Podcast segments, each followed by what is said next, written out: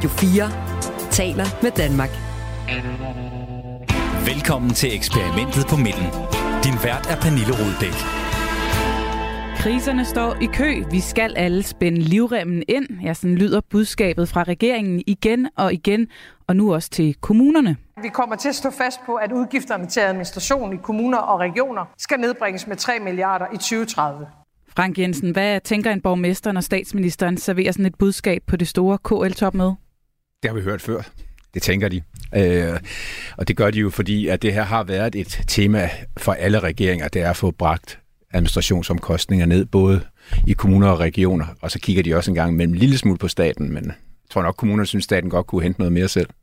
Krisefortællinger, kommunerne og klimakampen er de tre K'er, der udgør temaerne for de næste 55 minutter her i eksperimentet på midten. Programmet, hvor vi hver uge dissekerer den historiske regering på midten, der altså har vendt op og ned på magtspil og alliancer, og hvor vi undersøger, om et arbejdsfællesskab i røde, blå og lilla farver rent faktisk er den nødvendige reformmaskine, som Danmark har brug for, eller om det hele ender med at fise ud mellem fingrene på det umage trækløver, inden de rigtig når at komme i gang. Velkommen til. Du lytter til Radio 4. Og foran mig står det trækløver, der udgør dagens arbejdsfællesskab her i programmet, og som alle tre har prøvet det der med at sidde i regering. Frank Jensen, vi hørte dig lige før. Velkommen til. Tak. Lad mig lige få dig præsenteret ordentligt. Du er jo altså tidligere socialdemokratisk minister og næstformand gennem mange år, og så er du jo også tidligere overborgmester i øh, København.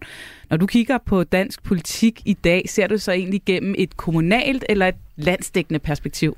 Ej, jeg bilder mig ind, at jeg stadigvæk kan have begge perspektiver, selvom jeg var overborgmester i 11 år og sluttede som det. Øh, så kan jeg godt øh, huske, hvordan det var at sidde i regeringen. Det sad jo også syv og halv år som, som minister, så, så jeg, jeg mener, og det synes jeg også, jeg kunne som overborgmester. Nogle gange, når jeg sad i KL's øh, bestyrelse og formandskab, så kunne jeg også godt sige til mine kolleger, altså, I skal også lige huske på, altså, de gør det jo ikke, fordi det er onde mennesker. De gør det jo, fordi de har ansvaret for hele Danmark, det de siger til os i kommunerne. Så jeg bilder mig ind, at jeg faktisk kan godt kan se tingene fra begge sider. Men når du sådan lige tænker tilbage instinktivt, hvis man vækker dig om natten, og du tænker Frank, politikeren, går du så rundt inde på Christiansborg eller på Rådhuset? Ej, så må man nok sige, øh, så går jeg rundt på Rådhuset. Så går du rundt på Rådhuset. Også velkommen til dig, Martin Gertsen. Tak. Også tidligere folketingsmedlem og ordfører i Venstre, men har jo også siddet inde på det der rådhus øh, i København. Og i danske regioner. Og i danske regioner, så du har prøvet alle tre lag yes. i dansk politik, hvis vi kan kalde det det. Hvor øh, er dit politiske DNA sådan gemt, hvis man vækkede dig om natten? Er det så øh, kommunen, eller hvad hedder det, rådhuset, du render rundt på, eller er det Christiansborg? Jeg tror mere, det er eller... sundhedsvæsenet, hvis jeg skal være helt ærlig. Ja. Altså, fordi det er det, jeg har beskæftiget mig med på to af tre. Øh, og faktisk alle tre platforme, fordi jeg startede min politiske karriere på Københavns Rådhus som medlem af Sundhed- og Omsorgsudvalget. Så der var helt bestemt også både sundhed og ældre.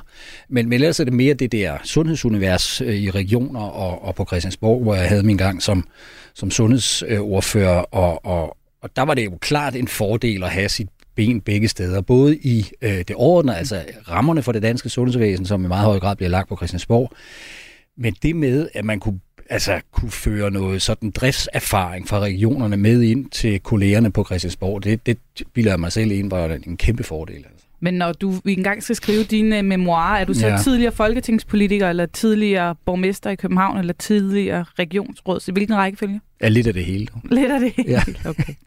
Vi skal også øh, byde velkommen til sidste deltager af dagens panel. Det er nemlig dig, Tine Lund Bredlau. Velkommen til. Tak skal du have. Du er tidligere personlig rådgiver fra, for Marianne, Marianne Hjelved, da hun var øh, kulturminister, og du har også siddet øh, 10 år som embedsmand i øh, Miljøministeriet. I dag der er du så partner i konsulentvirksomheden White Cloud. Hvad er det vigtigste, du har taget med dig fra dine øh, mange år på Christiansborg?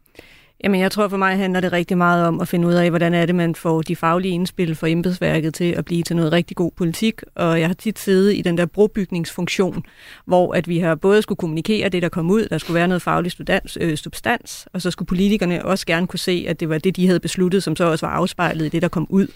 øhm, og hvis du spørger mig, hvor at, øh, jeg ser mig selv, jamen, så er det helt klart i embedsværket, ja. øh, i ministerierne, som den der sådan... Øh, oversætter ind imellem, som øh, ligesom får, får kittet det hele sammen. Og du siger jo, at jeg var personlig rådgiver for Hjelved. Det er rigtigt, fordi hun kunne virkelig ikke lide det der særlige rådgiverudtryk, så hun opfandt selvfølgelig, som i alle mulige andre sammenhænge, sit helt eget udtryk. Nå, og hvad er forskellen så på så, mellem at være personlig rådgiver og særlig rådgiver? Altså, jeg har engang skulle hjælpe hende med at finde en tandbørste, der var på et hotel op i, øh, i Nordjylland, men bortset fra det, så tror jeg faktisk, funktionen er det samme. Altså det her med at stå til rådighed for, for sine politikere på alle tider af døgnet, og igen også i embedsværket forsøge at presse nogle af de ting igennem, som ministeren gerne vil, øh, og nogle gange sidde meget, meget tæt på kontorchefer og afdelingschefer for at sikre, at det nu også bliver sådan, som politikerne drømmer om. Dejligt at øh, have jer alle tre med i dag. Vi skal igennem et par af de øh, største begivenheder fra regeringens øh, seneste uge. Vi skal se på det, der lykkedes godt, og det, der lykkedes knap så godt, og så skal vi gøre status på det hele til sidst. Og sidder du derude og lytter med og får lyst til at byde ind, så er sms'en altså åben på 1424. Radio 4 taler med Danmark. Det er et særligt syn, der møder de 1500 kommunalpolitikere og folketingspolitikere, da de torsdag formiddag træder ind i Aalborg Kongresscenter og Kulturcenter. Allerede inden det årlige kommunalpolitiske topmøde sættes i gang, bliver politikerne nemlig konfronteret med røde faner, slagsange og øh, mænd i oppuslige dinosaurkostymer. Det er lidt uklart, hvad vi kan uddrage, uddrage af den sidste del, men øh, fanerne, ja, de tilhører de politiske organisationer, der i kor gør opmærksom på, at der ikke er hænder nok i det offentlige. Et tema, som også er på dagsordenen på det topmøde, som kommer til at foregå de næste to dage.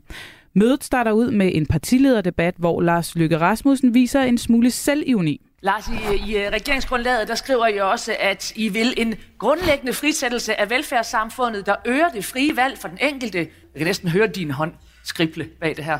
Når du har en lydfil på eller noget? Nej, øh...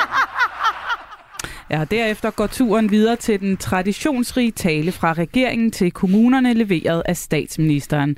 Mette Frederiksen har inden årets topmøde bedt om ekstra taletid, og i tilfælde af, at de ekstra minutter ikke er nok til, at kommunerne fanger budskabet, ja, så har statsministeren også lige kørt sit budskab igennem en stor artikel i Berlingske et dag i forvejen. Med et bagtæppe dekoreret med samtlige danske kommunenavne, ja, så træder statsminister Mette Frederiksen i sin bordeauxrøde jakke ind bag glaspulten på scenen i Aalborg Kongresscenter og siger... Vi står i vores øjne ved en skæbnestund. Vi kan godt vælge at humpe videre, eller også skal vi tage mere grundlæggende fat. Indret velfærden på en ny måde. Lav de reformer, der er behov for. Jeg sender nok ikke chokbølger igennem salen, når jeg siger, at det er det sidste, den her regering gerne vil. Frank Jensen, øh, hvorfor skulle Mette Frederiksen have ekstra taletid ved det her KL-topmøde? Det ville, det ville hun gerne have, fordi at det her havde hun chancen for at folde hendes politik ud øh, i nærvær af de her 1500 politikere, altså kommunalpolitikere og embedsmænd fra, fra kommunerne, og, og det er jo en stor scene, også for en statsminister, og, og også øh, i forhold til offentligheden, fordi der var meget presse til stede. Så hun ville jo gerne have mulighed for oven på bededagsdiskussionerne nu at få ligesom få lov at tale ind i det, hun brænder for, nemlig hvordan man får skabt et robust velfærdssamfund, som rækker frem til vores børn og børnebørn. Og, og, og det man kunne jo mærke på talen, den måde, hun leverer den på, men også når man læser den, at altså, har hun virkelig sit hjerte med. Det er hendes projekt over alt det andet. Det er simpelthen at sige, på min vagt, der sørger jeg simpelthen for at lave de reformer, der gør, at der også er et øh, velfærdssamfund, når vi kommer frem på den anden side af 2030-2040. Martin Gertsen, øh, hører du en statsminister tale på vegne af en bred regering over midten her, eller er det Socialdemokratiets formand, der taler til sit kommunale bagland? Nej, det tror jeg sådan set er dækkende for alle tre partier. Jeg kan jo bedst svare for Venstre, men det stemmer sådan set meget godt overens med med, hvad Venstre også mener om den her sag. Frank var jo inde på det før. Der har jo ikke været en regering nogensinde, så langt jeg kan huske tilbage, som ikke har ønsket at sætte den her dagsorden med en frisættelse af medarbejderne i den offentlige sektor og spare på byråkratiet og den slags. Altså jeg tror sgu næsten, det ville være sådan, uanset hvad det var for en partikonstellation, der var i regering, så ville man gerne kunne løfte den her opgave. Og jeg synes jo, at når man nu har de, lige præcis de her tre partier øh, i regering sammen, så har det nok også noget for sig. Altså jeg synes, chancerne for, øh, at noget af det her kan lykkes, er måske øh, bedre nu end øh, ved så mange andre lejligheder. Men, og det vender vi måske tilbage til, der er jo også nogle altså, helt øh, essentielt indbygget udfordringer i at forsøge at løse den her, øh, løse den her opgave. Tine Lund Bratlau, øh, først en længere artikel i Berlingske om velfærdssamfundets skæbnestund, og så samme budskab leveret fra talerstolen. Hvad tænker du, det er for en plan, som hun har lagt sammen med sine rådgiver her? Jamen, jeg jo tænker, at de har kigget ind i, hvordan får vi øh, startet med at frame den her dagsorden, altså hvordan får vi talsat, hvad er det for nogle udfordringer, der er, Og hvordan begynder vi så, hvis man skal bruge sådan et kommunikationsudtryk, og prime for, hvad er det for sådan nogle løsninger, der skal i spil? Hvem er det, vi skal have bragt ombord i det her? Og der er øh, det kommunalpolitiske topmøde jo en rigtig, rigtig god anledning, fordi det er kommunerne, der som i alle mulige andre sammenhænge skal holde for. Øh, og det er også kommunerne, der er, hvad skal man sige, krumtappen i vores velfærdssamfund. Det er dem, der er tættest på borgerne. Og det er også der, hun bliver nødt til at sende et klart signal om, at der skal ske noget. Vi står bag jer, vi hjælper jer med det, og vi skal gøre det i fællesskab. Mette Frederiksen, hun har øh, altså i den her artikel og i sin tale turneret med, at der er øh, fem budskaber om udfordringerne for velfærds Danmark. Der er demografien i Danmark, der er rekrutteringsproblemer i øh, for eksempel hele sundhedssektoren, der er det voksne byråkrati, der er sammenhængskraften, der er truet, og så er der de øh, voksne forventninger til velfærden. Øh, Martin Gertsen, Mette Frederiksen er jo nogle gange som statsminister blevet beskyldt for at tale kriserne op, og der er også nogen, der mener, at hun lige frem opfinder kriser øh, til sine egne projekter. Øh, mener du, der er en sandhed i, at regeringen har brug for at holde den her krisefortælling i kog for at legitimere sådan hele sit projekt? Ah, det ved jeg sgu ikke. En hver fugl øh, piper med sit næb. Jeg synes, der er nogle problemer i det her. Så kan man jo kalde det, øh, hvad man vil. Jeg, jeg er lidt bekymret, eller meget bekymret for, at vi på lange stræk er ved at bryde en eller anden form for samfundskontrakt med den danske befolkning. Og det, det øh, er jo en kontrakt, som går på, at kære befolkning, I betaler en masse i skat. Øh, til gengæld sørger vi for, at der bliver nogle opgaver, der bliver øh, løftet øh, i vores fælles velfærdssamfund. Og man kan jo øh, dårligt nok åbne sin avis, og nu beskæftiger jeg mig mest med, med sundhedsområdet, og har mest beskæftiget mig med det. Og man kan jo dårligt åbne en avis for tiden, uden at vi ser kæmpemæssige udfordringer i forhold til, til ventelister. Øh, og det gælder jo helt ind på det, man, øh, altså man kalder livstruende sygdomme, så sent som i, ja, i de seneste par dage har der jo været øh, der ikke har kunne få øh, behandling til tiden og sådan noget. Så i virkeligheden, så kan man sige, øh, altså det, det, det meget essentielle her er det der brud, potentielle brud på en samfundskontrakt med den danske befolkning. Og så er der en masse problemer tilknyttet til det. Altså helt åbenlyst øh, rekrutteringsudfordring, øh, der kan være noget med byråkrati, der kan være alt muligt andet. Men, men, men, men hvad skal man sige, sådan på det overordnede plan er det samfundskontrakten, man kan være noget bekymret for, synes jeg. Frank Jensen, du har øh, sikkert deltaget i de her øh, KL-topmøder tusind gange, både på den ene og på den anden side, som vi øh, først var øh, inde på. Prøv lige at beskrive, hvad det er for et møde mellem regering og kommune, der finder sted ved de her KL-topmøder. Altså, der kan jo godt sige at være noget rituelt over det, men det hænger jo sammen med den måde, vi har indrettet vores samfund på, at øh, det er godt nok øh, regeringen, Folketinget, der har ansvaret for at føre Danmarks økonomiske politik og sikre sig, at der er styr på penalhuset, at vi ikke kommer i uføre med, øh, med internationale organisationer i forhold til at have styr på vores økonomi. Øh, det er ligesom regeringen og Folketinget, men meget stor del af forbruget, øh, som vi har, altså til pasning af børn, til pasning af ældre, til at drive skoler, til at, at drive hele vores velfærdssamfund, det ligger ude i kommuner. Meget, meget, meget, mange hundrede milliarder ligger der og bliver administreret der. Og så kigger øh, regeringen jo ind i krystalkuglen, så siger vi, når vi så kigger det her velfærdssamfund frem til 2030, hvordan ser robustheden så ud? Og så siger de, okay, vi har 40.000 flere børn i 2030, vi har 110.000 flere ældre. Har vi råd til det? Og det er jo det, de øh, så smukt kalder det demografiske træk. Og det når de så op til, det er 21 milliarder kroner ekstra, vi skal bruge i 2030. Og så siger regeringen og økonomerne bag regeringen, at vi er simpelthen nødt til at sikre, at vi kan gøre det robust. Og det vil mange økonomer sige, jamen det er det jo, fordi det er finansieret gennem tidligere reformer. Ja, ja, siger Mette Frederiksen så. Men er vi tilfreds med kvaliteten mm. i det, vi giver i dag ude i daginstitutionerne, til børnene i skolerne, til ældreomsorgen. Jeg er jo selv en af de, der bliver ældre der i, altså gamle i, i 2030, ikke? og vi er så 110.000 flere i min generation, der kommer der og skal have, forventer, altså en, en ordentlig ældreomsorg. Og der siger Mette Frederiksen så, jeg vil gerne sikre, at det er så robust, at vi også kan lade altså kvaliteten følge med. Ikke bare det demografiske mm. træk, men der skal også være kvalitet, fordi ellers så bryder den der samfundskontrakt sammen, som Martin taler om. Hvis der ikke er kvalitet nok i det, vi får i det offentlige tilbud, så vil folk begynde at forsikre sig frem til det, så vil de lave egenbetaling, og så bryder den universelle velfærdsmodel sammen. Men er det sådan, øh, nu sagde du det her med, at der kan være lidt noget rituelt, altså lidt en stammedans over det her. Øh, man har hver sine positioner. Er det kommunerne, der sidder sådan lidt med korslagte arme og siger, nå, nu må vi høre, hvad statsministeren har tænkt sig at, at sige den her gang, og komme med krav og gode idéer? Jeg tror faktisk, de blev en smule overrasket over øh, det, hun sagde til dem. Forstået på den måde, den måde, hun vil gennemføre det her på. Altså, de har jo oplevet Mette Frederiksen, som har været sådan, altså, jeg kan selv, jeg gør det selv. I skal bare følge med den her gang, der, der var altså en fremstrakt hånd for statsministeren til dem. Jeg kan kun gøre det sammen med jer.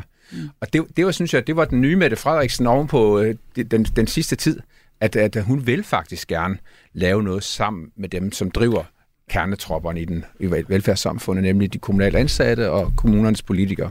Og, og det, det er også rigtigt. Øhm, det var måske bare lidt rundere med det, Frederiksen, men der udstår stadigvæk nogle komplikationer i det her, som, som vi jo har til gode at se, hvordan vil de løse det. Altså det med de 3 milliarder kroner i besparelser mm. på administration, ikke?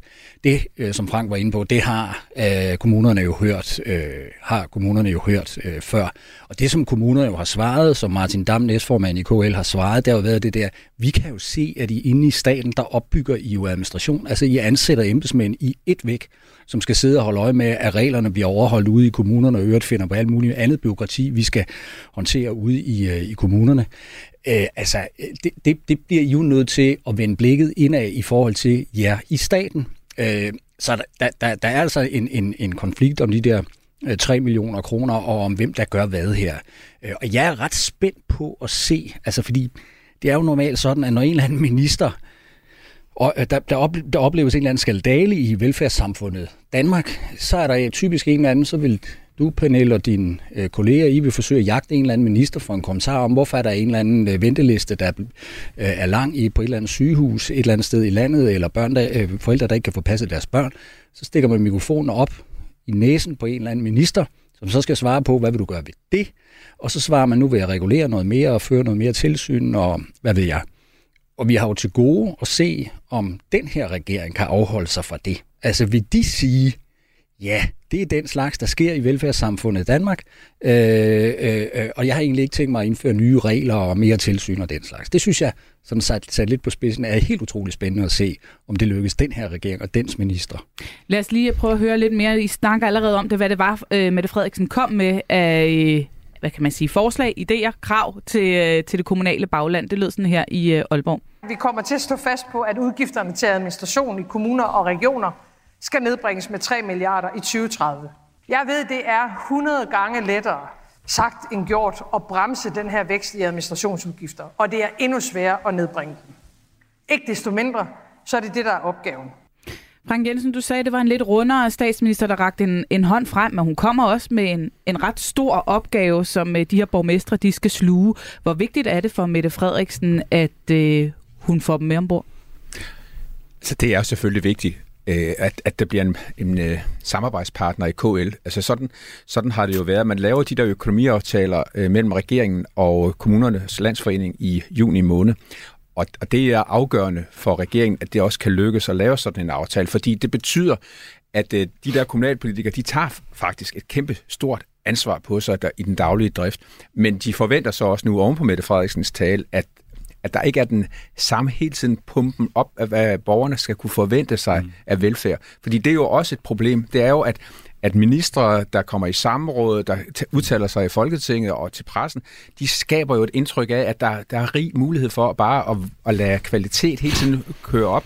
Og jeg vil bare sige, altså, Martin har jo ret i, at der kommer sådan nogle kriser, som gør, at så laver man ny regulering. Altså på psykiatriområdet, der står vi jo og skriger på at få sengepladser, men det er jo ikke ret lang tid siden, fordi der var nogle meget, meget ubehagelige drabsager i psykiatrien, som førte til, at man skulle lave nogle helt særlige sikrede pladser, som ja, folk ingen, der bruger. Ja. Og de står tomme, de står tom, og det viser jo bare, at. Øh, den der regulering, som laves centralt fra, den, den, den er ikke altid overensstemmelse med den virkelighed, der er derude, hvad behovet egentlig er. Så der står altså over 100 tomme sikrede pladser i psykiatrien, som ikke bliver brugt. Tine Lund Bredlau, hvor meget øh, krudt bruger man egentlig som rådgiver, som embedsmand på, på det her spænd mellem øh, regeringen på den ene side, og så et kommunalt øh, bagland på den anden side, som jo på mange stræk skal implementere de øh, store, flotte overskrifter, som regeringen ligger på bordet? Altså det kommer meget an på, hvilket ministerium man sidder i, og hvilken mm. minister man arbejder for. Jeg kan jo sige, i Kulturministeriet, da jeg var rådgiver for Marianne Hjelved, der brugte vi meget, meget lidt tid på det kommunalpolitiske topmøde. Øhm, jeg er faktisk i tvivl om, om hun overhovedet tog det op, øh, da jeg var rådgiver for hende, fordi så meget indflydelse har det kommunale bagland absolut ikke på klima eller på kulturpolitikken. Vi brugte heller ikke så meget tid på det, da jeg var i Klima- og Energiministeriet, fordi det var også nogle andre dagsordner, der kørte der. Men altså, når man sidder i de store økonomiske ministerier, jamen, så har man jo brug for kommunerne. Man er nødt til at være der, og man skal også være rimelig skarp i de budskaber, man får, øh, får sendt afsted.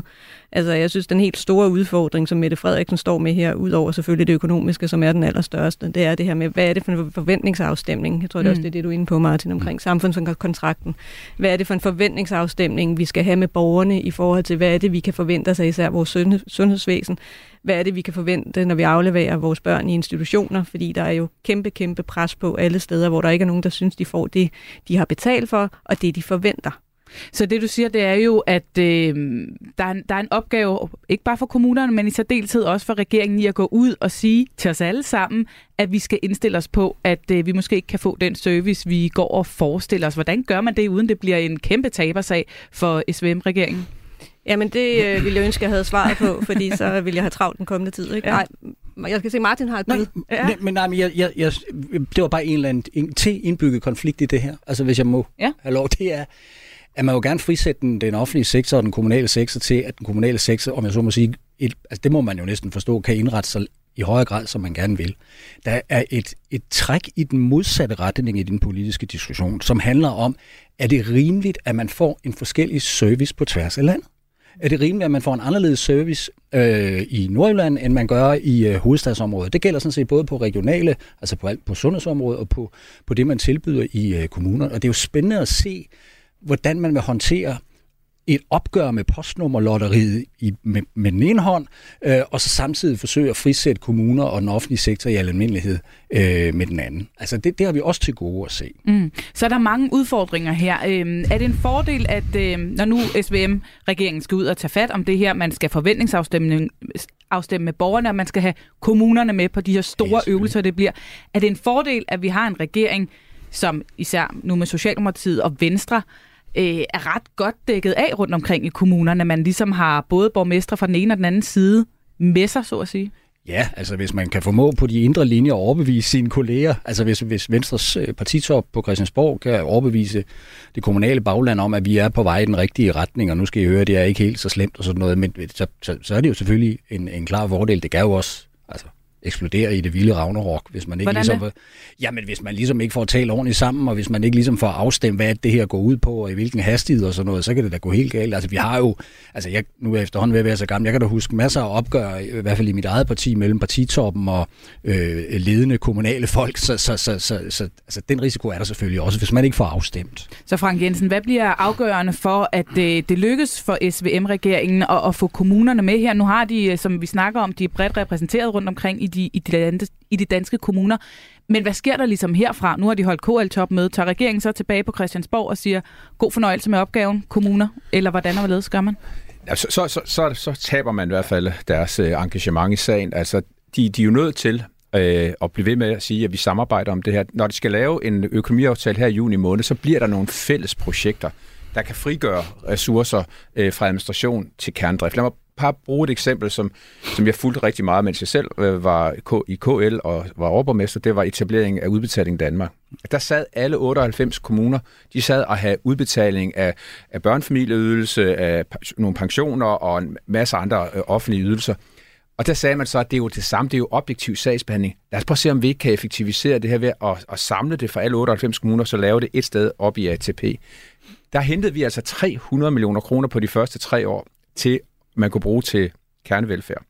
Øh, og de har så fortsat med at kunne effektivisere, fordi det er jo, det er jo at lave nogle gode IT-systemer, selvom man hører meget negativt om IT-systemer, så findes der faktisk gode IT-systemer, som kan, som kan sikre en enkel og let administration for det offentlige, men også for borgerne. Så, så, så det er jo, man skal lave nogle samarbejdsprojekter i den her, øko, den her økonomiaftale, og mm. det kommer vi jo til at se, hvad, hvad har Finansministeriet forberedt sig på, hvad har KL forberedt sig på. Altså jeg synes jo også nogle gange, at kommunerne må melde ind i den her kamp, fordi altså, jeg tror, for, borgerne oplever de jo godt, at mange ting kunne gøres smartere og enklere. Jeg er lidt nysgerrig på, øh, når de skal til at tage fat på de her opgaver ude rundt omkring i kommunerne. Hvordan er ens adgang til at komme i kontakt? Nu har Mette Frederiksen været der, hun har talt. Nu er hun øh, tilbage på Christiansborg og har tusind andre opgaver, øh, hun skal se til. Kunne du som øh, overborgmester gribe telefonen og ringe til statsministeren, hvis du har behov for det? Altså, nu havde have den der gunstige situation, jeg også var næstformand i partiet, så jeg mødtes jo med statsministeren til, det var praktisk. Øh, til, til, til ugenlige møder i ledelse og i hovedbestyrelser osv. Mm. Men, men Mette Frederiksen har faktisk på hendes vagt som socialdemokratisk leder, der har hun altså været god til at bruge de digitale øh, altså adgang til også at være i kontakt med folk, og det vil sige lave nogle store møder øh, på, på Teams, øh, og, og det, det er faktisk en rigtig god måde, at alle føler, at de faktisk kan komme i kontakt med hende.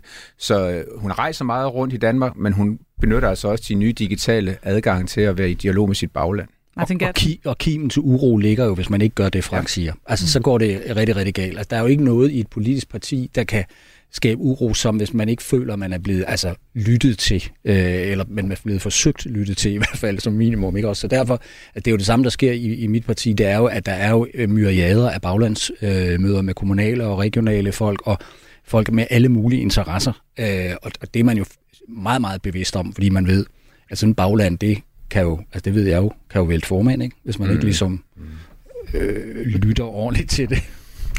Her til sidst, øh, Martin Gertsen, øh, nu står SVM foran en rimelig massiv opgave, også ude i kommunerne, hvor øh, risikabel eller... Øh, altså, du skitserer også selv øh, de her udfordringer, der er ved det. Kan, kan de lykkes med det, eller er der en stor indbygget fare i det her?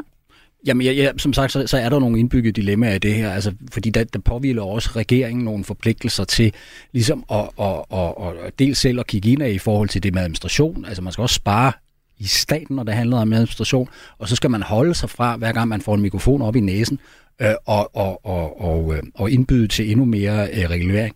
Så der er nogle indbyggede konflikter, men, men det er også en bunden opgave det her, ikke? Altså, fordi jeg synes som sagt, at der er Altså, der er en risiko for, at samfundskontrakten med den danske befolkning, der betaler ret høj skat, at den er ved at, at blive brudt. Så der er noget, der skal løses her omkring økonomi, øh, demografi, i forhold til rekruttering af, af, af arbejdskraft, og der, der er også masser af andre øh, udfordringer. Så, så, så det er altså lidt en bunden opgave, det her.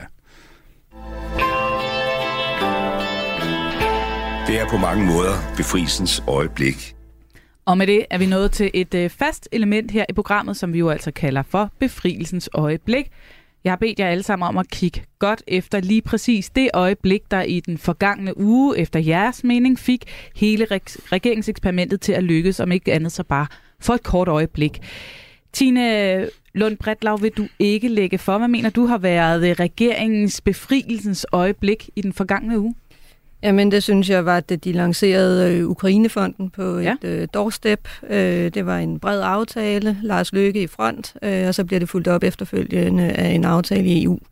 Så der synes jeg, de stod rigtig fint. Samtidig så fik Lars Lykke jo lige brugt lejligheden til at give dansk presse et lille svirp med halen undervejs, fordi der er en journalist for BT, der stiller et spørgsmål, som han synes er upassende i den sammenhæng. Øh, og når man sidder og kigger på, øh, på billederne, så er det meget tydeligt, at der er bred enighed i den kreds, han lige har lavet en aftale med om, at det var et fuldstændig fjollet spørgsmål i den givende situation. Og så er jeg lidt nysgerrig øh, for at høre fra dig som tidligere rådgiver. Havde du siddet og klappet dine små rådgiver hen, og hvis du havde været hans rådgiver der, eller hvad havde du tænkt?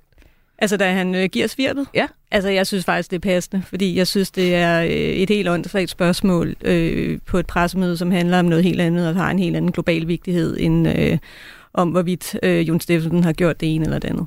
Så altså også et, et lille befrielsens øjeblik måske for Lars Løkke Rasmussen selv der, men også for regeringen, mener du, i forhold til, ja, at man har lavet jeg. den her brede aftale om ja. Ukrainefonden på nær enhedslisten og Alternativ, som så ikke var med. Præcis. Frank Jensen, hvad synes du har været befrielsens øjeblik for regeringen? Altså jeg tænker Mette Frederiksen i Ægypten, ja. i Cairo. Foran med øh, præsident de flotte Sisi. Pyramider, nej, mere med ja, Sisi. ja, men også ja. Øh, pyramiderne. Øh, ja. Altså jeg tænker, øh, jeg synes det er klogt, at Mette Frederiksen, selvom hun har en stærk udenrigsminister, at hun ikke overlader hele den internationale scene til Lars Løkke, men hun også selv markerer sig på den og skaber alliancer. Fordi det, vi er jo en helt anden verden nu, efter Ukrainekrigen og opbruddet med Kina og USA osv., så er hun nødt til selv også at opbygge nogle relationer, også øh, uden for den snævre EU-kreds. Og det, hun har været rundt nu også i, i Ægypten, det sender jo også et meget stærkt signal om, at hun for det først er stærk på den internationale arena, gerne vil være det, men også, at hun er optaget det der med folkevandringer, immigration stadigvæk. Altså, hun slipper ikke det, og det er klogt, at hun ikke slipper det, fordi der skal findes nogle nye veje til at undgå den her kæmpestore folkevandring sydfra mod, mod Europa. Men er det klogt af en statsminister at stå der og øh, side om side med en meget omdiskuteret øh, præsident Al-Sisi, som mange vil jo anklage for ikke at være særlig demokratisk, for eksempel? det synes jeg. Øh, fordi vi er, altså, vi er en anden verden. Vi bliver nødt til at erkende, at vi kan ikke bare diktere vores, øh, vores normer, vores verdensorden ned over folk, og så sige, at vi mødes først med jer, altså når I, når I passer ind og passer ind i rækkerne i den vestlige kultur, vestlige verden. Altså jeg har jo selv siddet i anstrengte møder øh, i Beijing, i Kina, andre steder i verden, og siddet og talt øh, menneskerettigheder, og, og det skal vi selvfølgelig også benytte lejligheden til når vi er sammen. Men man skal altså også passe på, at man ikke overgør det der med, at man ikke vil tale med folk, før de opfører sig fuldstændig som os andre. Martin Gertsen, ja. befrielsens øjeblik. Hvad fik du øje på? Jamen, jeg er faktisk også ved Ukraine. Altså, fordi jeg synes, det er en uh, klar fordel, at man har i sådan, måske mere end i så mange andre sammenhæng, at man i sådan en situation, hvor vi er involveret i en krig, øh, oven i købet meget tæt på, øh, og som optager os alle sammen, at man har en flertalsregering øh, i den her øh, situation, det synes jeg er en fordel. Og hvordan, øh, hvordan kunne man se det ved den her Ukrainefond, at det var en flertalsregering? For det var en bred aftale, den kunne man vel egentlig også have lavet, uden at have flertalsregeringen? Jo, men jeg, jeg, altså, det, at man kan få snakket tingene til rette først og fremmest internt øh, i regeringen, og der ikke skal udspille sig et eller andet meget, meget, øh, hvis man ser det sådan lidt kynisk, et eller andet meget, meget langt forhandlingsspil, og det kan være både om den her fond, men det kan så set også være om alt muligt andet. Øh, det, det tror jeg egentlig er en, en, en, en fordel for en regering i sådan en krise- øh, og krigssituation som den her. Radio 4 taler med Danmark. Vi er i fuld gang med eksperimentet. På midten i studiet har jeg besøg af Martin Gertsen, Tine Lund Bredlav og Frank Jensen. Og øh, nu spoler vi tiden tilbage til i går. Som spændte elever før et skolefoto, ja, der stiller de sig op side om side foran Ejkveds Pakhus i København for at få taget et såkaldt familiefoto. Familien er en samling af 50 klimaministre fra hele verden. De er samlet til det, der hedder Copenhagen Climate Ministerial. Og øh, i midten af det hele, ja, der står dagens vært, Dan Jørgensen, som øh, siden sidst han mødtes med den her familie, har fået specificeret sin titel, så han altså nu hedder Minister for Global Klimapolitik. Kan ganske kort tid forinden, der har FN's klimapanel præsenteret sin seneste mega-rapport, og øh, læsningen er som altid dyster. Humanity is on thin ice, and that ice is melting fast. Ja, sådan var ordene fra FN's generalsekretær Antonio Guterres, og øh, foran Ejkved Parkhus med de københavnske kanaler og Christiansborg i baggrunden, der siger Dan, Dan Jørgensen alligevel sådan her. Det, der er en god nyhed trods alt med det, den her øh, elendighed, man kan sige, det er med, med alle de nye tal, der desværre kommer og fortæller os, at det måske ser endnu værre ud, end vi, end vi frygtede. Det er jo altså faktisk, at på sådan en møde som i dag, med, med ministre og klimaforhandlere fra, fra næsten 50 lande, der er der ikke et eneste land, som siger, lad os opgive de 1,5 grader, vi kan alligevel ikke nå det. Alle lande er faktisk øh, meget engageret i, at vi stadig skal sigte efter 1,5 grader. Nu skal det så oversættes til handling. Ja, Frank Jensen, så står de der igen og råber alarm, og nu er det nu, og tiden går, og klokken slår. Øh, tror han på det, din gamle kollega Dan Jørgensen? Ja, du kan jo ikke øh, se ind i hans hjerne øh, og se, hvor, hvor, hvor meget han tror på det. Altså, han er jo grundlæggende en, et optimistisk menneske. Sådan som kender jeg Dan, øh, og, og, og han øh, ved også, at politik kan skabe forandring. Så og, og handling. Men, men det er klart, at det er en meget, meget alvorlig rapport, der er kommet. Der har aldrig været så meget øh, altså CO2 i atmosfæren, som der er nu. Aldrig nogensinde før. Øh, og vi har talt om klima. Altså, vi, er, vi havde COP15 i Danmark i 2009. Og, og tiden går, og klokken slår, og vi havde, vi havde COP21 i Paris, og vi fik Paris-aftalen 2015. Og det går bare den forkerte vej. Så, så det er jo klart, at os, der så, jeg beskæftiger mig også professionelt med den grønne omstilling i dag som, som rådgiver i private virksomheder, men, men, men jeg er også optimist på klimas vegne, fordi vi har jo så siden fået udviklet en lang række nye teknologier. Det drejer sig bare om at få investeret i dem og få dem sat i gang.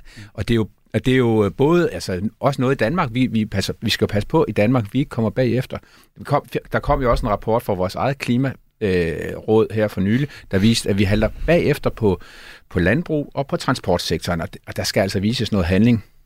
Og spørgsmålet er så, hvordan SVM-regeringen er gået til hele den her klima opgave, som jo også ligger på deres bord. Martin Gertsen, det er jo ikke fordi, at klima øh, umiddelbart har fyldt alverden for SVM-regeringen indtil videre.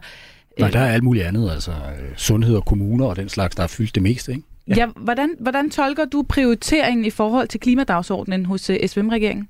Jamen, i virkeligheden vil jeg, havde jeg egentlig forberedt et andet svar, du måske også skal bruge til noget, Pernille. Det er, man, kan, man, man, man, man, man skal jo man skal passe på, at man ikke taber den her, hvis man tager sådan en mere kynisk politisk blik på det der. Man skal passe på, at man ikke taber den her øh, sag på, øh, på gulvet. Altså jeg ved, både for Socialdemokratiet og Venstres øh, vedkommende kan man risikere, at, at de der katastrofale valg, eller halvdårlige valg, helt dårlige og halvdårlige valg, man har fået i de store byer, hvor der er masser af unge mennesker, det risikerer man bare at få igen. Altså, øh, hvis ikke man tager det her meget, meget alvorligt. Hele klimadiskussionen, kombineret med det, man har gang i på uddannelsesområdet, kan jo risikere at være et kæmpemæssigt, vælgermæssigt problem for, øh, for de gamle partier i, øh, i for eksempel i hovedstadsområdet, hvor vi sidder nu, øh, og måske i virkeligheden gør den politiske situation langt værre, end, øh, end den man indtil nu har oplevet for, for, for blandt andet Venstre og Socialdemokratiet, og potentielt jo også Moderaterne. Lad os lige prøve at kigge på det sådan snit i, øh, i den fortælling om, hvad der skal til for, at vi løser klimaproblemerne, som, øh, som regeringen har lagt for dagen sådan umiddelbart. Øh, Mette Frederiksen hun forklarede det, da hun øh, åbnede øh, Folketinget i januar sådan her. Klimamålene er selvfølgelig vigtige, men det vigtigste her nu er ikke nye klimamål. Det er at komme i mål.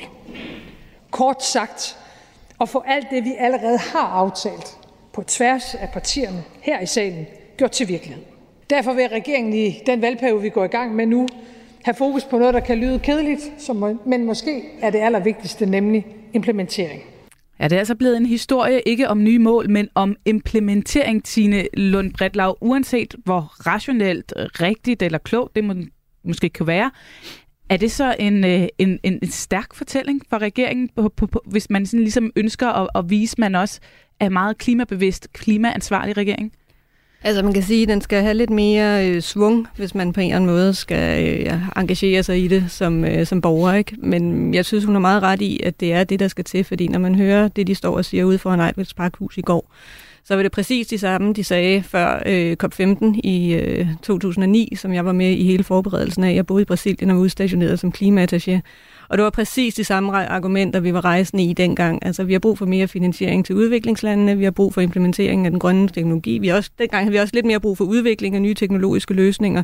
Der kan man sige, der er vi kommet rigtig, rigtig langt i dag, så hun har jo ret i, at det er implementeringen, der skal til. Og det er jo også det, der kommer i IPCC's nye mm. rapport. Mm. Det er, jamen, vi har faktisk de teknologier til rådighed. Det er også derfor, de stadig er en lille smule positive og siger, at vi kan godt nå det der 1,5 graders mål, vi kan også godt nå 2 graders målet, for vi har øh, teknologierne til rådighed. Det kræver investeringer i implementering, det kræver, at vi tager dem i brug. Så jeg synes jo, hun har ret. Altså, jeg tror også, det er det, man nogle gange som kommentator sådan skal... Øh, skal øve sig lidt på, ikke? det er ikke kun at snakke meldinger, men også nogle gange snakke realpolitik. Altså fordi, hvad er det for nogle behov, der er? Øh, er det kun fortællingen, det handler om, eller handler det også om den forandring, vi skal have skabt? Øh, og der synes jeg faktisk, hun tager et modigt valg ved at sige, at det handler om implementering, fordi vi kan godt blive ved med at stå og sige, vi skal handle nu, isen smelter. Nu er det så ikke isbjørnene, der står på tynd is længere, nu er det menneskeheden. Ikke? Altså man kan sige, det er ligesom det billede, der er skiftet hos, øh, hos IPCC nu. Øh, I stedet for det blev, var vores oldebørn tidligere, så er det vores børn og børnebørn, det kommer til at gå ud, af, ud over. Men fortællingen har været der længe, og det er implementeringen, vi skal have gang i. Det er også den fortælling, vi bliver nødt til at styrke, synes jeg. Men hvis vi kigger i, øh, i målinger, når man spørger, hvad går vælgerne mest øh, op i, ikke? så øh, til valget for fire måneder siden, der svarede 44,1 procent af vælgerne, at klimapolitikken ville være afgørende for, hvor de satte deres kryds. Det var kun sundhedspolitikken, der var vigtigere øh, end det. Og øh, alligevel, når man så hører øh, regeringen fremlægge deres tre hovedprioriteter, øh, som statsministeren gjorde den øh, 3. Øh, februar, så lød det sådan her. Jeg vil gerne fremhæve øh, tre af de hovedprioriteter, regeringen har frem mod sommer. Det er øh, for det første forsvar, øh, herunder støtten til Ukraine og et nyt forsvarsforlig. Det er dernæst sundhed, og så er det uddannelsesområdet. Frank Jensen, øh, hvad er der sket? Er, vi, er regeringen ved at tabe klimadagsordenen, som øh, Martin Gertsen siger? Nej, det, altså den dagsorden, som Mette Frederiksen taler om frem til sommer, det er jo en meget altså det er jo en her og nu dagsorden. Den skal køre. Forsvarsforlig, øh, sundhed, der skal nedsættes en strukturkommission og så videre. Så, så klima er hun ikke ved at tabe, men hun, hun baserer det jo på, at der er indgået en meget bred aftale på Christiansborg før valget om 70% målsætning i 2030. Nu, nu, nu så hørte vi jo i går, at øh, FN's generalsekretær Guterres, han siger, jamen det er ikke nok. Altså, så pludselig så står Danmark der. At vi, vi troede, vi var foran. Så har vi godt nok øh, et eller andet, hvor vi regner med, at vi kan komme, være fuldstændig klimaneutrale i 2050. Men nu siger Cortellers, at de rige lande, de skal altså være klimaneutrale i 2040. Så vi kommer til, at hun kommer til, Mette Frederiksen kommer til, hvis hun skal bevare den her førerfelt her, som for Danmark, så skal, så skal der virkelig, øh, så skal de op i tempo. Det er ikke bare Dan Jørgensen, som skal ligesom tage ansvaret for koppen her til december det bliver også Lars Ågaard, det bliver også øh, Nikolaj Vammen, det bliver hele regeringen, ja. der skal op i gear. Og det er jo det, altså fordi som Pernille sagde før, det, det er jo et tema, som ligger i top 3 kontinuerligt. Og det vil efter mine bedste begreber sige, at det bliver man simpelthen nødt til, den bold bliver man nødt til at være på hele tiden, også selvom man har besluttet, hvad det er, der skal til. Så kan det være, der skal lægges mere oveni. Øh, det får være. Men så skal man være på den der implementeringsdagsorden hele tiden og, og vise sig i den offentlige debat i forhold til, hvad er det så for nogle løsninger? Hvad er det, vi snakker om helt nede på det øh, konkrete øh, plan? Altså det er det samme som på sundhedsdagsordenen. Den skal man også være på hele tiden som regering, fordi den ligger oppe i toppen af det, som interesserer vælgerne.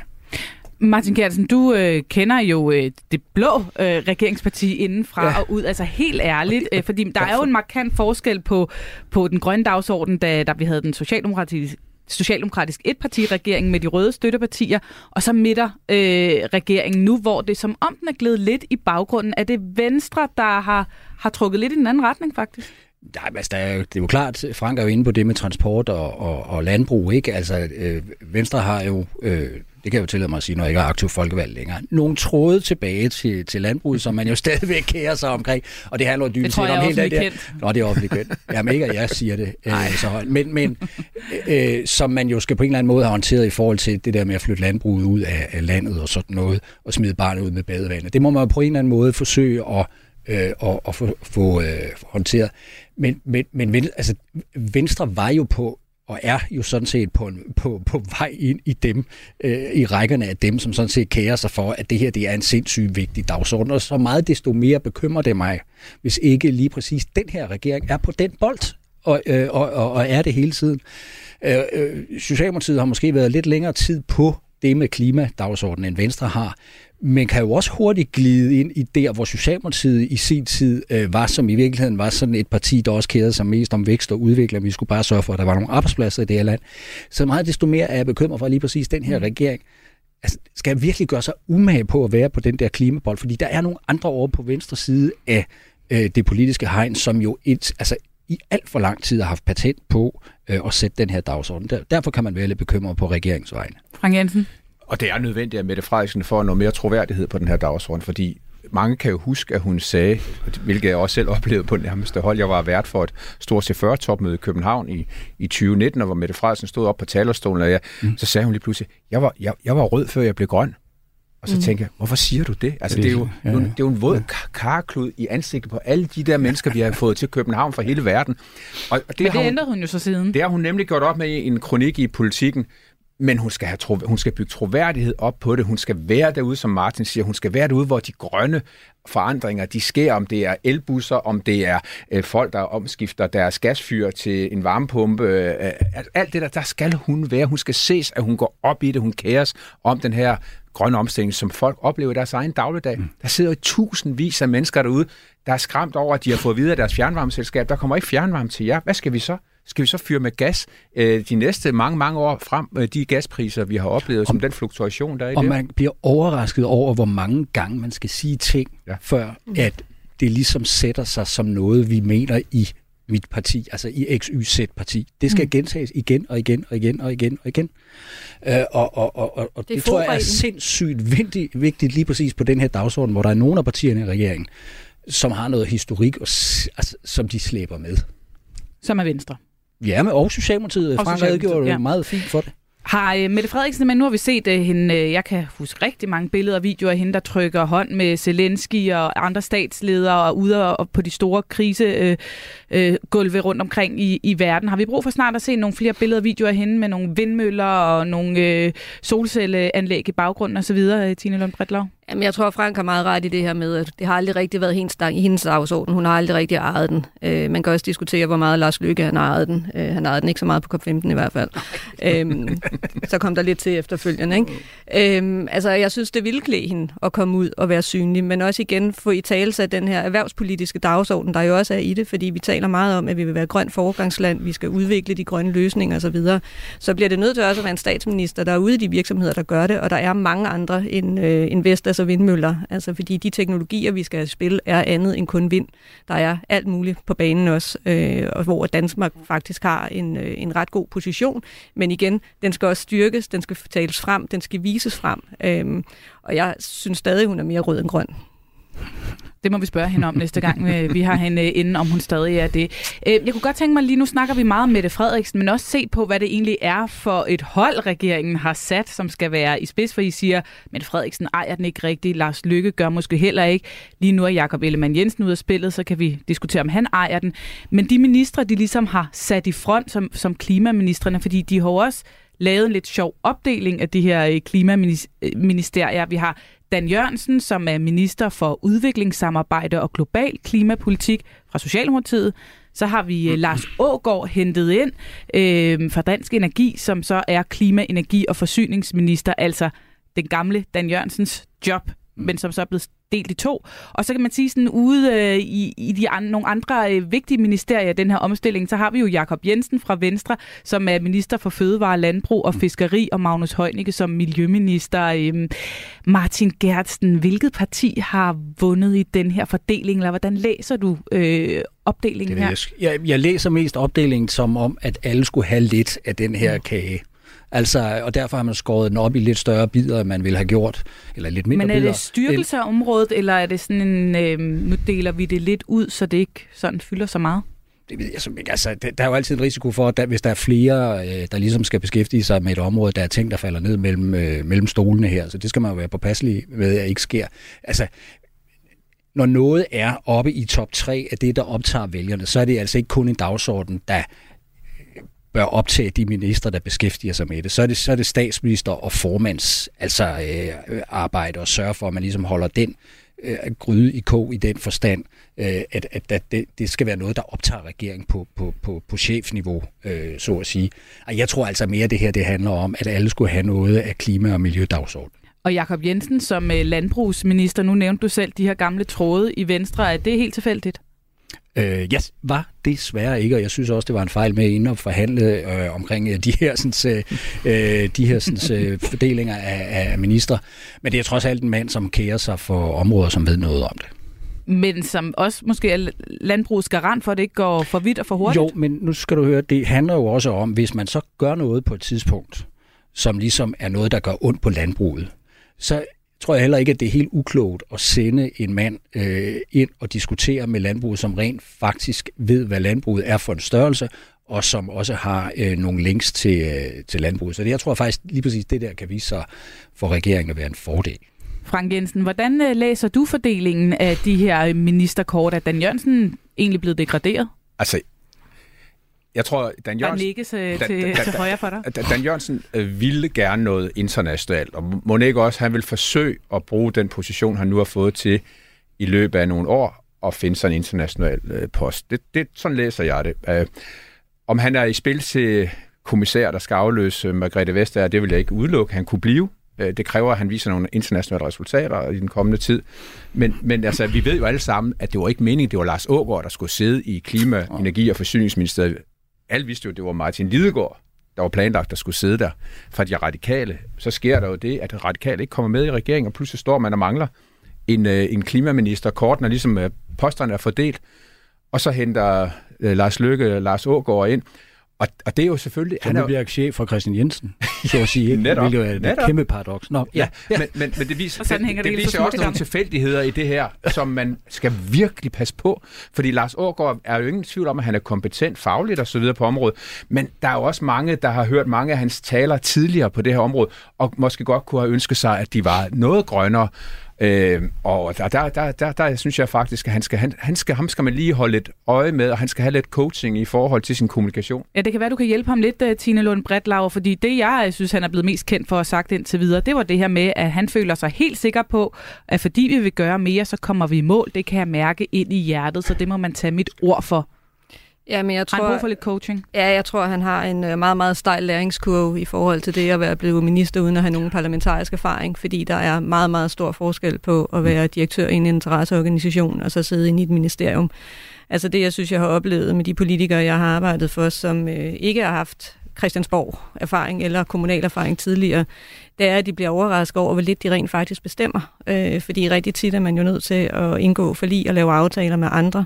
Så man kan have nok så mange gode idéer og viden om, hvad der er rigtigt, og så kan der være nogen, der mener noget helt andet. Øh, og det synes jeg i den grad, han, øh, han er blevet ramt af.